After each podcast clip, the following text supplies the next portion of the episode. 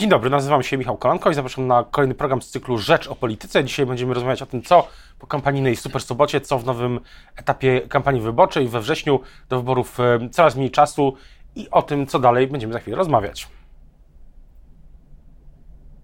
Dzień dobry Państwa i moim gościem jest dzisiaj Michał Kobosko, pierwszy wiceprzewodniczący partii Polska 2050 i kandydat trzeciej drogi Komitetu PSL i Polski 2050 w Warszawie, numer jeden na liście w Warszawie. Dzień dobry. Dzień dobry panie redaktorze, witam Państwa. Zacznijmy może od e, sondaży, które Rzeczpospolita i RMF publikują dzisiaj. E, po przeliczeniu na mandaty opozycja zyskuje nieznaczną e, przewagę. To jest sondaż, który jest dzisiejszej Rzeczpospolitej, tak jak wspomniałem. Jaki jest Pana komentarz do tego? No, pan redaktor powiedział, że nieznaczną przewagę rzeczywiście, ale że, rzeczywiście ta przewaga jest w tej chwili nieznaczna, ale jej nie było w, przez wiele ostatnich tygodni, więc idziemy jako cała opozycja w dobrą stronę, dobrym kierunku. To mnie cieszy. Ja bezpośrednio dziękuję respondentom za wsparcie, za poparcie dla trzeciej drogi.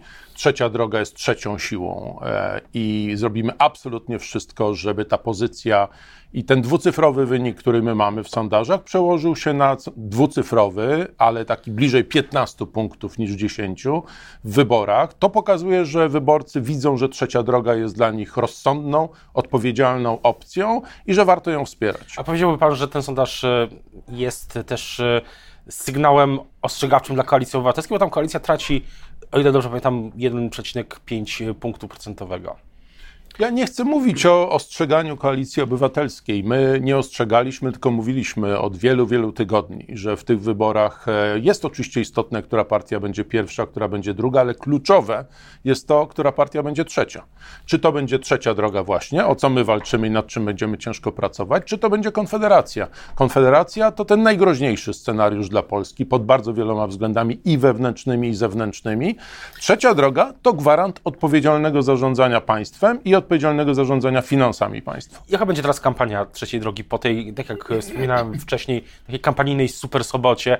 Wszystkie partie polityczne, wszystkie siły, poza Konfederacją w zasadzie, właśnie to też ciekawe yy, i znaczące być może, zaprezentowały swoje programy, yy, trzecia droga, program gospodarczy. Co teraz będzie w, w tej kampanii?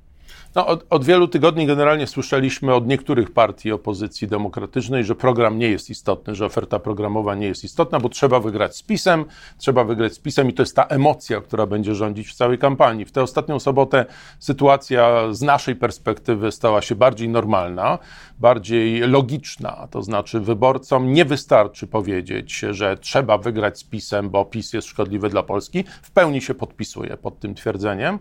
Natomiast trzeba wyraźnie pokazać, do dokąd zmierzamy, do czego zmierzamy. Analizowaliśmy te 100 propozycji, które złożyła Platforma, Koalicja Obywatelska. Znaleźliśmy tam ponad 30 propozycji tożsamych z tym, co my wcześniej prezentowaliśmy i jako Polska 2050 Szymona Hołowni, i jako... Ale jak to, jak to mówią, nasze lenistwo to najwyższa forma uznania. Tak, ale zmierzam do tego, że my się nie obrażamy w żaden sposób z tego powodu. My się cieszymy, że te propozycje, o których mówimy od miesięcy, znalazły odzwierciedlenie także w programie tworzonym przez Koalicję Obywatelską. E, oni w odróżnieniu od, od nas, y, od nas i PSL-u w trzeciej drodze, ale także od Nowej Lewicy, nie chcieli dotąd rozmawiać o wspólnych punktach programowych z innymi partiami. My rozumieliśmy to tak, że pracują nad swoim programem. Teraz ten program został już pokazany, upubliczniony, są konkrety. I w związku z tym uważamy, że to jest ten właściwy moment, żeby rozmawiać właśnie o tym, co mamy wspólnego, co nas różni, to już widać w tych punktach programowych, ale co mamy wspólnego, żeby rozmawiać o przyszłej współpracy już rządu demokratycznego? Też, y, też jeśli chodzi o przyszłość, o kampanię trzeciej drogi, to też pytanie o te wspólne, y, kolejne, kolejne konwencje, kolejne punkty programowe. Czy też taki jest tryb weekendowy, można będzie obserwować? No nie, to jest tryb y, codzienny w tym sensie, że mamy weekend konwencji, pięć, weekend konwencji. pięć tygodni do hmm. wyborów, czyli pięć tygodni już można powiedzieć bez y, trzech, czterech dni do ciszy wyborczej, która, która rozpocznie się 13 października. To jest czas niezwykle intensywny. Myślę, że żaden polityk panu nie powie, że przez tydzień to teraz będzie odpoczywać, a w weekendy będzie pracować. Wszyscy pracujemy codziennie. Ja pracuję codziennie w Warszawie. E, konwencje będą trzeciej drogi, są zaplanowane. Wiadomo, jakie są weekendy, ile jest tych weekendów. My nie stracimy żadnego weekendu na pewno, żeby wzmacniać przekaz, żeby przekaz pokazywać, że Szymon Hołownia i Władysław Kosiniak-Kamysz to liderzy trzeciej drogi, a wraz z nimi zupełnie inne, nowe myślenie o polityce, także nowe myślenie myślenie generacyjne. A też czy, tak się zastanawiam, czy już teraz kiedy ta kampania się weszła, weszła w tą decydującą fazę, czy ma Pan jakąś obserwację też co do, co do tego, o czym ona jest? Czy coś Pan zaskoczyło w tych ostatnich tygodniach? Nie wiem, czy mnie coś zaskoczyło. To znaczy, może inaczej, zaskoczyło mnie to, że niczym nie zaskakuje nas Prawo i Sprawiedliwość. Że ta ich konwencja, którą przecież też zapowiadano, że 9 września to będzie nowe otwarcie, nowe propozycje programowe. Jeżeli tą główną propozycją, która się przebiła i właściwie jedyną, która jest po tej konwencji PiSu powtarzana, są emerytury stażowe, e, temat, który sam PiS już e, powtarzał i powtarzał od 19 roku co najmniej, no to się okazuje, że to jest mokry kapiszon, że wszystko na to wskazuje, że PiS nie ma już nic w zanadrzu, nie ma już takiej amunicji, jaką zwykł jednak także nas w jakiś sposób zaskakiwać. Słabe to jest generalnie w wykonaniu PiSu i to jest zaskakujące. I jak widać, jedynym ich pomysłem na tę kampanię wyborczą jest kampania referendalna. Kampania Właśnie. referendalna, która stanowi część kampanii wyborczej PiSu. Właśnie, co, co z referendum? Czy y, myśli pan, że opozycja, o której już rozmawialiśmy przed chwilą, będzie miała taki wspólny mm, mianownik, jeśli chodzi o samo referendum do, do 13, przepraszam, do 15 października? Wspólne stanowisko wszystkich czterech Czy y, słuchamy, liderów czterech słuchamy, partii? Słuchamy uważnie, co, o czym mówią liderzy czterech partii. Myślę, że te, te głosy są podobne, może akcenty są trochę inaczej rozłożone. My jako Trzecia Droga nie wzywamy w sposób taki głośny, otwarty do bojkotu referendum, bo obawiamy się tego, że to mogłoby Polaków na lata zniechęcić do idei referendum, a my uważamy akurat za ideę, za, tę ideę za niezwykle ważną, za cenną, za potrzebną. To jest taka idea, w której nie tylko raz na cztery lata w wyborach, ale w okresie właśnie między wyborami polit, pol, polit, Polacy powinni się wypowiadać na bardzo istotne kwestie, które są, pojawiają się i nie mogą czekać do następnych wyborów. No taka jest idea właśnie referendum. PiS tę ideę wykoślawia, bo robi referendum razem z wyborami, co jest chore z definicji, bo wybory to jest referendum nad obecnym rządem i dlatego my, politycy Polski 2050, e, powiedzieliśmy bardzo jasno, że my kart do głosowania w referendum nie pobierzemy 15 października. E, to jest temat, który będzie się przewijał jeszcze do 15 października, tak pan, tak jak to jest oczywiste, że będzie dyskusja o referendum, ale jeszcze wróćmy na chwilę do samego programu i do gospodarki. Są dwie rzeczy, myślę, warte dzisiaj na, na początek nowego tygodnia, żeby do nich wrócić. Jeden y, ważny dla wielu osób, też czytelników Rzeczpospolitej, postulat, jeśli chodzi o handel w niedzielę. Co tutaj, czy to jest punkt, czy to jest, wydaje się panu, dzisiaj wspólne dla całej opozycji, że to się zmieni, a druga to jest kwestia stóp procentowych. Pierwszy, handel w niedzielę. Co, e, jak, jak to będzie wyglądało po ewentualnym zwycięstwie opozycji? Znaczy, dzisiaj mamy taką sytuację, w której PiS praktycznie zlikwidował handel w niedzielę. My uważamy, że w takiej sytuacji, w jakiej jest polska gospodarka, a już szczególnie branża handlowa, także po pandemii, także wobec recesji, także wobec tego, że Polacy mniej kupują w detalu, bo mają mniej pieniędzy w portfelach, e, całkowite zrezygnowanie z handlu w niedzielę jest bezsensowne, jest szkodliwe. E, bardzo wielu ludzi w Polsce prowadzi firmy albo jest pracownikami, ciężko pracuje i nie ma czasu w e, tygodniu, żeby zrobić zakupy. I sobota i niedziela są taki moment, takimi momentami, żeby uzupełnić e, braki w naszych domach. I stąd ta idea, ten postulat, z którym wystąpili nasi liderzy w tę sobotę, żeby dwie niedziele w tygodniu były E, pracujące dla handlu, ale zarazem, no, żeby, żeby nie było niejasności. My po pierwsze uważamy, że Państwowa Inspekcja Pracy powinna być bardzo poważnie dofinansowana, żeby skończyła się fikcja z kontrolami, których nie ma, to znaczy, e, żeby pracownicy handlu mogli rzeczywiście liczyć na opiekę, na osłonę, na wsparcie państwa, żeby ich praca nie była nadużywana. Tak? No bo jest naturalne, że pracownicy handlu mogą powiedzieć, no tak, no, czy każecie nam ciężej pracować. E, do dyskusji i do decyzji jest w jaki sposób uregulować ten handel właśnie w niedzielę, dwie niedziele w miesiącu. Mam na myśli dopłaty do, do stawek, jakie będą mieli pracownicy handlu, czy ewentualna możliwość tego, żeby mieli jakiś dzień inny wolny w tygodniu. Diabeł rzecz jasna tkwi w szczegółach, ale my bardzo jasno mówimy, tak totalny ban, zakaz na handel w niedzielę, jaki wprowadził PiS, jest szkodliwy dla Polski w tym momencie rozwoju i społecznego, i gospodarczego. A druga rzecz, druga rzecz to jest e, rzecz, którą będziemy też, wielko, też wielokrotnie pisaliśmy na, na łamach Rzeczpospolitej. A druga rzecz, stopy procentowe, też temat, który oczywiście Rzeczpospolita analizowała. Pytanie, czy e, jak on w ogóle odbiera decyzję e, z ubiegłego tygodnia, która będzie miała wpływ na, na przecież całą, też w jakimś sensie na kampanię wyborczą? No, odbieram ją jako decyzję nieodpowiedzialną z ekonomicznego punktu widzenia, decyzję motywowaną stricte kampanią wyborczą, kampanią wyborczą Prawa i Sprawiedliwości. Prezes Narodowego Banku Polskiego z definicji powinien być postacią niezależną i ta instytucja powinna być niezależna, a w realu dzisiaj mamy polityka PiSu, który został oddelegowany na odcinek polityki pieniężnej, polityki monetarnej. Każde jego wystąpienie jest de facto wystąpieniem politycznym, a nie wystąpieniem ekonomisty.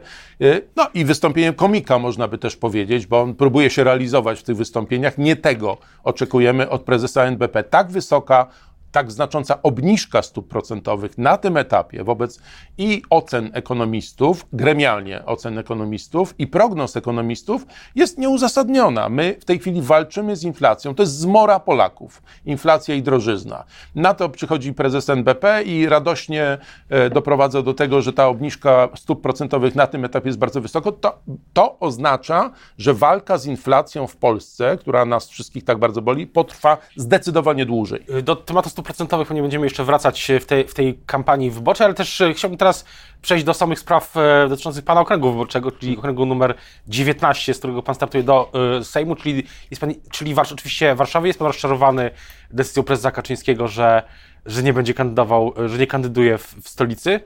No, decyzję prezesa Kaczyńskiego wielokrotnie komentowaliśmy, zdania nie zmieniamy. Rozumiemy, że to jest taktyka partyjna y, i prezes Kaczyński wsłał do taktyki, żeby e, być może w Świętokrzyskim zwiększyć liczbę mandatów. Tam zdecydował się kandydować, ale szczerze mówiąc, taktyka nas nie interesuje. Efekt wizualny jest taki, że prezes Kaczyński uciekł z Warszawy, uciekł z własnego miasta, z własnej dzielnicy, w której zawsze kandydował, z którą jest zżyty, co jest oczywiście naturalne i kojarzony, no ale to jest jego decyzja. Mamy taką stawkę, jaką mamy w Warszawie. PiS jest reprezentowany przez y, pana Piotra Glińskiego, kompletnie nieszczęsnego ministra kultury, który kulturę polską rujnuje i niszczy od lat. Jest pan Mencen, jest pan Zandberg, jest jest e, pan Donald Tusk. Bardzo ciekawe, bardzo Właśnie, ciekawe czy, starcie. Czy paradoksalnie być może przewrotnie zapytam, czy przez to, że prezes Kaczyński nie kandyduje z Warszawy, to szansa na debatę jedynek w Warszawie się zwiększyła. Może, hmm. może, już, jest, może już jest w planach, może już może pan ujawnić, ja, że będzie. Ja do takiej debaty jestem przygotowany i chętnie widziałbym i taką debatę. Myślę, że wyborcy w Warszawie bardzo chętnie by ją zobaczyli. Nie wiem, czy wszyscy kandydaci są zainteresowani, mówiąc wprost, taką debatą. Nie wiem, czy pan przewodniczący Tusk jest zainteresowany taką debatą. Uważam, że warszawiakom taka debata się należy porównanie tego, co ci, którzy startują na pierwszych miejscach e, list, mają do zaoferowania. Ja e, powtarzam codziennie, ja nie kandyduję z Warszawy, ja kandyduję dla Warszawy. Ja jestem warszawiakiem. Uważam, że takie podejście, które czasami słychać, że no, Warszawa, stolica, ona sobie zawsze poradzi, jest najbogatsza, właściwie życie w Warszawie jest bezproblemowe i tak dalej, i tak dalej. No, każdy, kto żyje w Warszawie, wie, że życie tutaj nie jest bezproblemowe, że jest wiele problemów i związanych z samym miastem, jego funkcjonowaniem, i związanych z tym, że Warszawa jest no, epicentrum polskich spraw politycznych. Tu są urzędy, tu są wszystkie demonstracje uliczne, które przecież też y, no, utrudniają życie warszawiakom. Tu są gigantyczne problemy ze żłobkami i przedszkolami, problemy z komunikacją miejską, więc e, to są też te tematy, które będą się pojawiały w kampanii. Oczywiście to nie jest start w wyborach samorządowych, ja nie kandyduję na prezydenta może, Warszawy. Może powiem, ale... może, może powiem tak, jeszcze pan nie kandyduje. E, to są wybory parlamentarne i w nich kandyduję i bardzo liczę i bardzo proszę o wsparcie warszawiaków. To też jest e, pytanie, wspomniał Pan o tym wcześniej, ale też dopytam, dzisiaj Pan e, mieszka w Warszawie, e, działa w tym mieście jako kandydat co, co jeszcze widzi Pan jako jakiś problem, rzecz, którą posłowie z Warszawy mogliby załatwić w nowym Sejmie? Zwłaszcza jeśli opozycja, tak jak e, rozmawialiśmy o tym scenariuszu, e, zgodnie z profesorem Flisem i jego wyliczeniami, przejęłaby władzę dzisiaj, e, po, po, po wyborach. Co jeszcze, co, co Warszawa może się, co Warszawa, czego Warszawa może się spodziewać? No, ja myślę, że tutaj decydujące są kwestie dotyczące komunikacji i samej w Warszawie, i wokół Warszawy. Tak? Mówimy o dokończeniu e, ringu, tego szerok, budowie szerokiego ringu wokół Warszawy, czyli e, obwodnicy, która zdejmie trochę z ruchu w, w mieście i wokół miasta. Mówimy o budowie kolejnych linii metra. Niezwykle kontrowersyjny temat. Ja uczestniczę w tej chwili, spotykam się z działaczami ruchów miejskich w Warszawie, bo zdania są niezwykle podzielone. Z jednej strony miasto przedstawiło projekty, trzeciej, czwartej, a nawet piątej linii metra. Z drugiej strony no, widzimy prognozy, które mówią, że nie do końca byłoby to uzasadnione, że byłby to gigantyczny koszt. Najpierw analiza tego, co jest realistyczne, a potem, jeżeli uznamy, że to jest potrzebne, to także uzyskanie wsparcia centralnego dla tych inwestycji, no bo wiadomo, że stolica Polski sama z tak ogromnymi inwestycjami by sobie nie poradziła. jest jeszcze pytanie o dalszy przebieg e, kampanii wyborczej. Rozmawialiśmy o debatach i debacie jedynek e, w Warszawie. Taka debata rzeczywiście wydaje się, że, e, że Polacy w ogóle, mm, stawka tych wyborów jest na tyle wielka, że i zarówno jeśli chodzi o debatę jedynek, jak i debatę liderów, debata by się przydała. No i właśnie pytanie, tak się zastanawiam teraz, czy jeśli będzie debata liderów, tak jak w 2015 czy 2019 roku, to kogo wystawi trzecia droga? Szymona Hołownię czy Władysława Kośniaka-Kamysza? To jest bardzo dobre pytanie. Ja myślę, że y, tych debat powinno być więcej niż jedna. My mamy takie siły w naszej organizacji, że e, Myślę, że w niektórych debatach będzie obecny Szymon Hołownia, w innych Władysław Kosiniak-Kamysz. Jest to naturalne. My mamy układ, nazwijmy to partnerski w naszym sojuszu. To nie jest tak, że jeden z nich jest liderem, a drugi jest, e, nie wiem, jakimś liderem gorszej jakości. Obaj są świetnymi liderami. Zobaczymy. No, na razie, panie redaktorze, to jest trochę pytanie teoretyczne, bo ja nie słyszałem o tym, żeby Jarosław Kaczyński miał w sobie dość odwagi i determinacji, żeby wystąpić w debacie liderów. Ale jeżeli debata e, liderów będzie, na co bardzo liczę, nie powinna być, tak jak powiedziałem, jedna, to wtedy wystawimy naszych obu liderów, oni zajmą właściwe, właściwe miejsce. Zupełnie na koniec jeszcze też myśląc o tej kampanii wyborczej, słuchając też wczoraj przewodniczącego Tuska w Gliwicach, też pytanie jest, czy trzecia droga, czy jest już jakiś pomysł, czy strategia, jeśli chodzi o marsz, który Platforma zapowiedziała na 1 października. Przewodniczący Tusk nazwał go Marszem Miliona Serc. Szymon Hołownia, Wysokośniakamysz, widziałem to na własne oczy, byli uczestnikami marszu 4 czerwca, teraz tak będą ponownie. Ja y, mam taką osobistą refleksję, że y, jakoś Platforma niewiele mówi o tym marszu ostatnio i przewodniczący Tusk, y, który doskonale zawsze wie, co powiedzieć i kiedy powiedzieć, y, jakoś ostatnio mało, mało aktywnie promuje ten marsz, więc ja prawdę mówiąc nie mam do końca jasności, czy ten marsz jest aktualny, jako pomysł. Z tego, co ja rozumiem, to jest. Jaki, jaką formę on będzie miał. Y, trzeba o jednym pamiętać, to będzie marsz organizowany przez Komitet Wyborczy Koalicji Obywatelskiej. My działamy w innym komitecie wyborczym. E, są przepisy wyborcze, prawnicy straszą, e, straszą że nawet mo mogłoby dojść do tej takiej sytuacji, że jeżeli przedstawiciele innego komitetu wyborczego pojawią się na marszu organizowanym przez inny komitet, to mogą mieć zagrożoną subwencję ze strony Państwowej Komisji Wyborczej. To są to są prawne elementy, mhm. tak? Tu wiadomo, że jest co innego istotne. Istotne jest, żeby 15 października partie opozycji demokratycznej wygrały wybory w sposób zdecydowany, żeby mogły potem stworzyć koalicję, która będzie no, ratować Polskę z tej sytuacji, do jakiej doprowadził PiS i ratować Polskę przed ewentualnym sojuszem PiSu i Konfederacji. Więc poczekajmy, jeszcze mamy trochę czasu do 1 października, będziemy gotowi z naszym stanowiskiem. Będziemy też śledzić oczywiście uważnie kampanię wyborczą na RPPL i, i nie tylko. Teraz bardzo już dziękuję za rozmowę. Państwa i moim gościem dzisiaj był Michał Kobosko, pierwszy wiceprzewodniczący Partii Polska 2050 i jedynka trzeciej drogi Komitetu Wspólnego z PSL-em w Warszawie. Dziękuję bardzo. Dziękuję bardzo, dziękuję bardzo Państwu.